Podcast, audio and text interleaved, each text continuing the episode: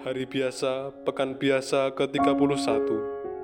Jumat, 4 November 2022 Bacaan pertama diambil dari surat Rasul Paulus kepada jemaat di Filipi. Bab 3 ayat 17 sampai bab 4 ayat 1 Saudara-saudara, ikutilah teladanku dan perhatikanlah mereka yang hidup seperti kami. Sebab seperti yang telah sering kukatakan kepadamu, dan yang kunyatakan pula sekarang sambil menangis, banyak orang hidup sebagai musuh salib Kristus. Kesudahan mereka ialah kebinasaan, Tuhan mereka ialah perut, dan kemuliaan mereka ialah hal-hal aib sedangkan pikiran mereka semata-mata tertuju ke perkara-perkara duniawi. Tetapi kita adalah warga kerajaan surga. Dari sana juga kita menantikan Tuhan Yesus Kristus, Sang Penyelamat yang akan mengubah tubuh kita yang hina ini menjadi serupa dengan tubuhnya yang mulia sesuai dengan kuasanya yang dapat menaklukkan segala sesuatu kepada dirinya. Karena itu, saudara-saudaraku yang kukasihi dan kurindukan, sukacita dan mahkotaku, berdirilah dengan teguh dalam Tuhan. Demikianlah sabda Tuhan. Bacaan Injil diambil dari Injil Lukas bab 16 ayat 1 sampai 8.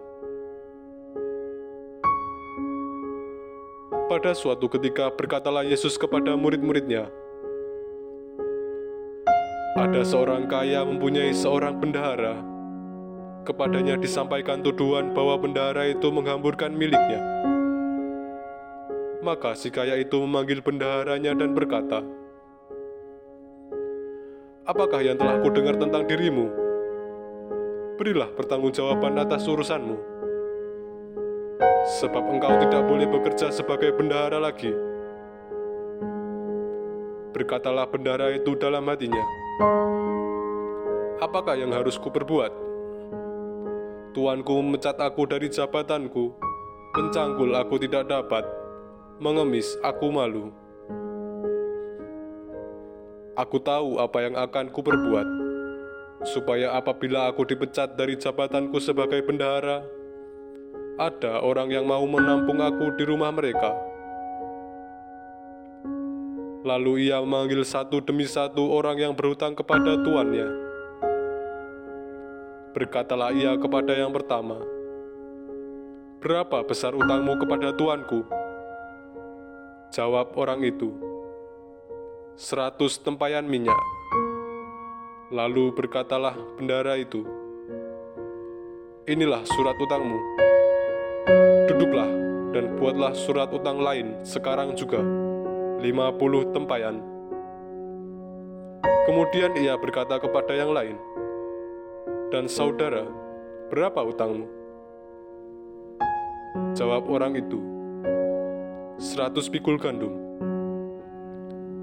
Katanya kepada orang itu, Inilah surat utangmu, buatlah surat utang lain 80 pikul. Bendahara yang tidak jujur itu dipuji tuannya, karena ia telah bertindak dengan cerdik.